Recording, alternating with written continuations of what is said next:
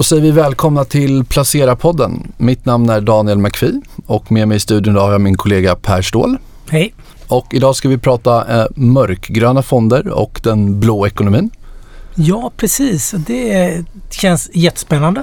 Vi kommer att prata lite om hav, vilket ligger mig varmt om hjärtat och dig också vet jag, som vi har tillbringat mycket tid där. Mm. På Östersjön exempelvis. Och vem gör man det med, tycker du?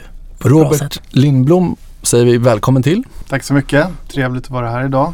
Och vi ska säga att du kommer från det som kallas för Havsfonden som är en relativt nystartad fond.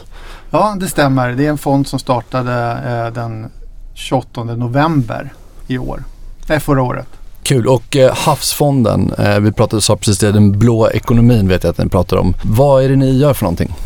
Havsfonden är en global aktiefond som gör hållbara investeringar med ett havstema. Och i hållbarhetsstrategin så utöver de tre vanliga sätten att bedriva en hållbar fond som är att välja in, välja ut och påverka så har fonden en fjärde hållbarhetsstrategi. Och det är att den också lämnar en ideell utdelning till organisationer som gör ett arbete för Östersjön. Varför har ni valt Östersjön eller varför har ni valt havet om vi börjar där? Havet som sådant är en väldigt viktig del i klimatanpassningen om man ser ur, ur, en, ur en hållbarhetssynpunkt. Eh, haven täcker 70 procent av jordens yta. 25-30 procent av växthusgaserna lagras i haven. Inte utan problem. Det påverkar ekosystem och det påverkar biomassa negativt. Det är också en väldigt stor ekonomi. Räknat som en resultaträkning så omsätter haven 2,5 triljoner dollar. Vilket gör det till världens sjunde största ekonomi. Havens balansräkning om man ser det på det sättet det är 25 triljoner dollar. Och de 25 triljoner dollarna eh, exkluderar då fossil oljeutvinning och mineralutvinning ur haven. Så att det värdet är också beroende av att vi har fungerande ekosystem. Haven är också underinvesterade och förväntas investeringar i haven förväntas växa med snabbare än index de kommande åren. Är det lika för alla hav? Jag tänker på vårt innanhav som ligger väldigt nära utanför fönstret mer eller mindre. Eh, är ju, är ju väldigt förorenat. Hur, hur känner du, hur tänker ni kring donationer och sånt? Bara stoppa lite innan jag tar själva frågan. Då tänker jag på Kajsa Lindstål. Kommer du ihåg det? Bank och fonder. Mm, mm. Eh, det är länge sedan vi såg någonting sånt här på fondmarknaden. Eh, känner jag, där man ger tillbaka och dedikerar en del av vinsten blir det ju. Mm. Eh, för att göra saker och ting bättre. Mm. Ja, men Östersjön är, är ju en av världens mest nedsmutsade hav. Det är ett väldigt grunt hav.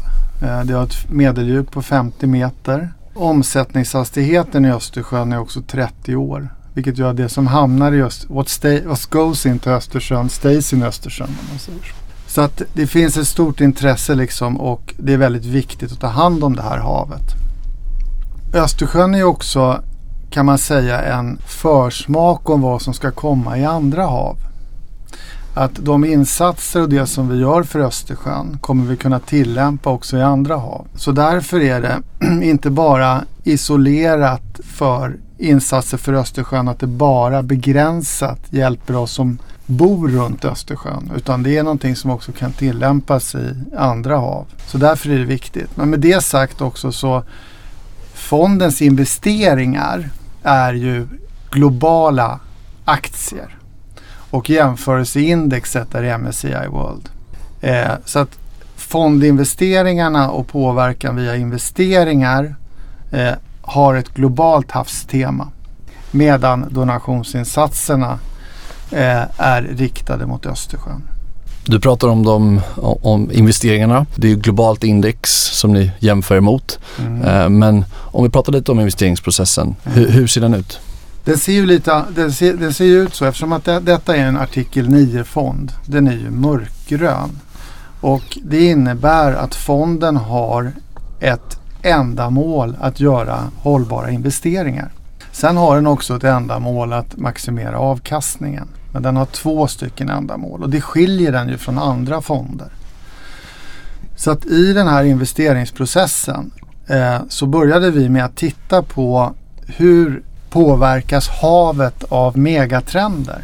Och då tittar vi framförallt på befolkningsökningen som en utav de här stora megatrenderna. Och vi är ju 8 miljarder människor nu. När jag gick i skolan så var vi 4 miljarder. Så det har skett en enorm befolkningsökning sedan mitten av, av 1800-talet och fram till nu. Och det här ställer ju väldigt stora påfrestningar på, på haven. Därtill så tittade vi på ökat välstånd som en annan megatrend. Och extrem fattigdom är i princip utrotad de senaste hundra åren. De här två megatrenderna ställer stor press på haven i det att vi behöver mer proteiner vi människor. Idag får 3 miljarder människor sitt huvudsakliga proteinintag från haven. Vi blir fler människor, det behövs mer proteiner, det behövs mer transporter. 90 procent av alla transporter går över haven. Det står för 2-4 procent av alla växthusgasutsläpp. Vi behöver rent vatten, vi behöver energi och 25-30 procent av alla växthusgaser lagras i haven. Då har vi liksom ett problem där och det här är ju också en möjlighet. Man kan ju tänka sig då att man fridlyser haven. Men det skulle innebära väldigt stora problem bland annat när det gäller proteinuttag och liknande ur haven. Transporter och annat. Så vi måste använda haven, tycker vi då, som en del av klimatlösningen. Eh, och då definierade sex stycken sektorer som vi investerar i. Och det är egendefinierade sektorer. Och de, de sektorerna är hållbart fiske, hållbart landbaserat jordbruk, hållbart havsbaserat jordbruk, det är ren energi av det skälet att växthusgaserna lagras i haven med stora problem för ekosystemen. Det, det, är gröna marina transporter som är en sektor och det är rent vatten och hantering och rening av avfallsvatten. Och renare utsläpp då som en del i att eh, minska växthusgasutsläppen som är det, det är väldigt stora problemen för haven. Och så sa vi också att det här ska vara en portfölj eh, med en riskklass som en global aktiefond, det vill säga fyra. Det ska vara utvecklade bolag, lite större mogna bolag, relativt förutsägbara vinstutvecklingar, det vill säga lite lägre P tal och de ska vara noterade på utvecklade marknader. Det vill säga att de marknader som vi investerar i ska i grunden vara demokratier. Det ska vara fungerande regelverk runt marknadsplatsen, att man kan föra in pengar, föra ut pengar från landet. Att det finns regler för handel eh, på de här platserna. Och då finns det 20, ett 20-tal utvecklade marknader i världen. Och då började vi titta på bolag som hade kopplingar mot de här sektorerna. Och då kan man konstatera när man gör det att det blir, väldigt, det blir inte tillräckligt många bolag om det ska vara den huvudsakliga verksamheten i de här bolagen. Så då fick vi välja att säga istället att det behöver inte vara den huvudsakliga verksamheten i bolagen för att de ska kunna ingå i det här eh, urvalet av bolag. När vi hade valt ut de bolagen då så hade vi ett universum av bolag till drygt 200 stycken. Och sen har vi exkluderingskriterier då för ett rad problematiska verksamheter. Jag ska inte rada upp dem men ett sådant exempel är ju eh, fossil energi och fossil energiutvinning. Då hade vi inkluderat bolag, vi hade exkluderat och när vi hade den här portföljen då av hållbara bolag med ett havstema så kan man ju då fundera på hur man ska vikta de här bolagen och hur mycket man ska investera i varje bolag. Och då valde vi att ha en kvantitativ eh, modell för att göra det. Där vi med den matematiska bakgrunden som mitt förvaltningsteam har som är väldigt duktiga matematiker, eh, så valde vi då att optimera de här bolagens vikter mot risken i MSCI World. Och när man tittar på risken i MSCI World historiskt, då kan man se att under nedgångsperioder då ökar risken i MSCI World. Så att man mäter ju risk i volatilitet eller standardavvisar. Och då ser man under nedgångsfaser så ökar risken. Under längre uppgångsfaser så minskar risken.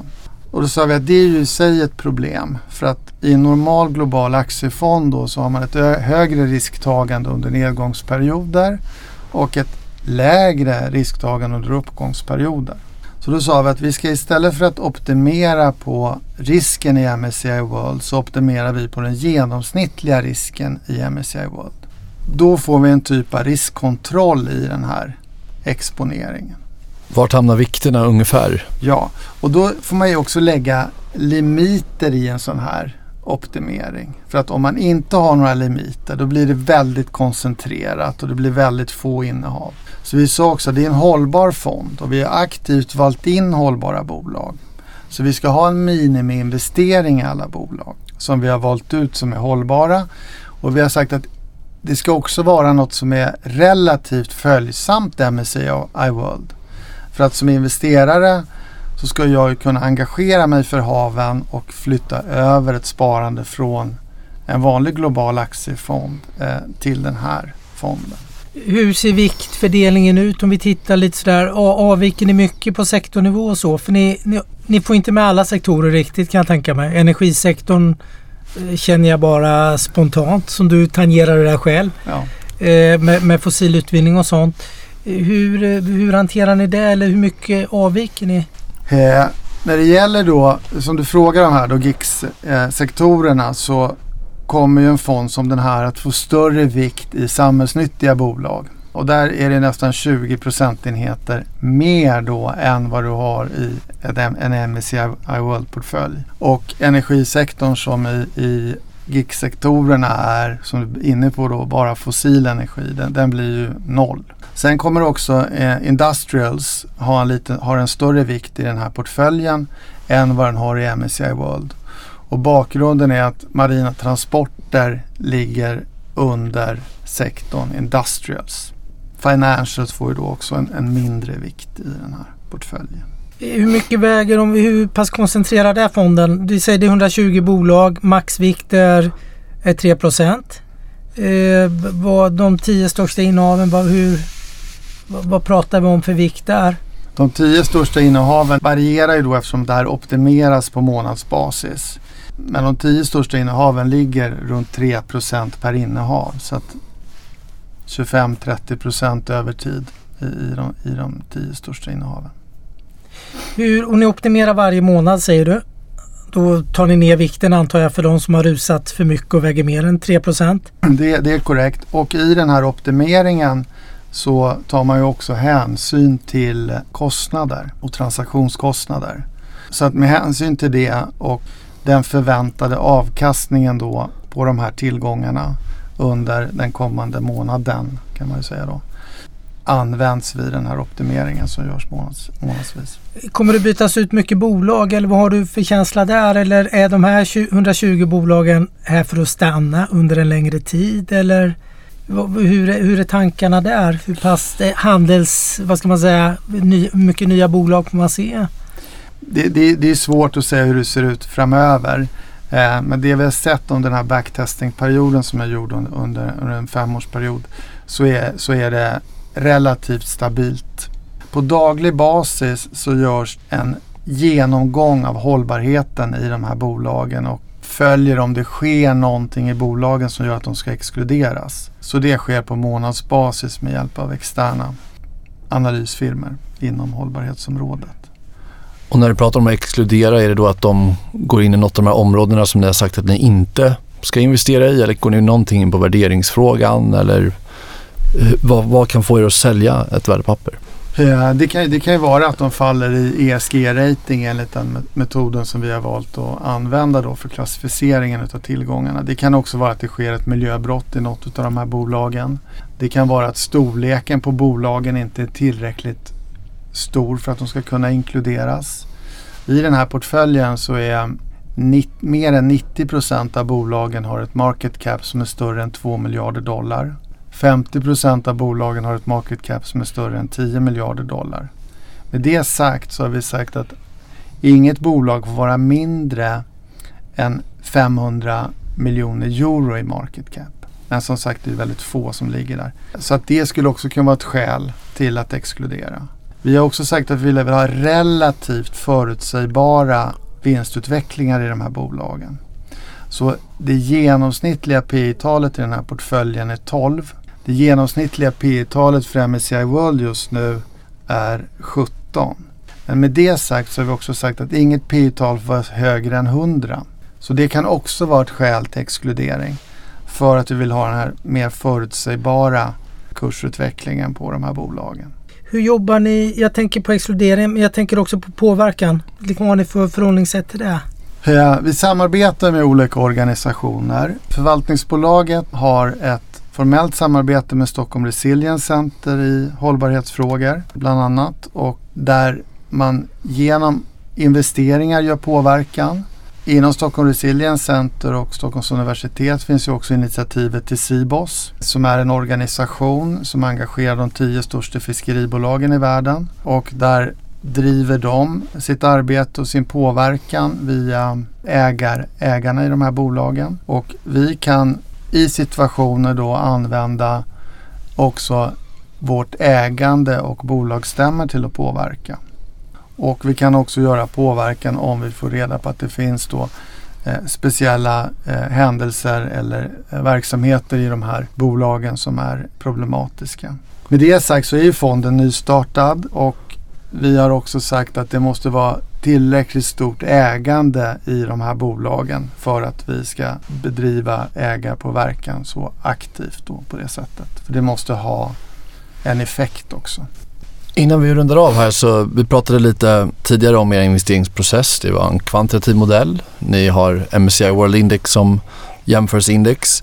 Men eh, vi har inte pratat om något bolag och även om ni inte så att säga gör någon fundamental analys på det sättet så vilka bolag pratar vi om ungefär som hamnar i de här kriterierna som ni har? Exempel på om man säger svenska bolag då som finns i den här portföljen som utgör en väldigt liten del av portföljen så är Nibe ett exempel på ett sådant bolag. De jobbar med energieffektivisering och det är som sagt kopplingen till haven är för en insatt väldigt viktigt då att minst, minska växthusgasutsläppen. Ett annat bolag är eh, eh, Movi eh, som producerar landbaserad fisk eller odlad fisk.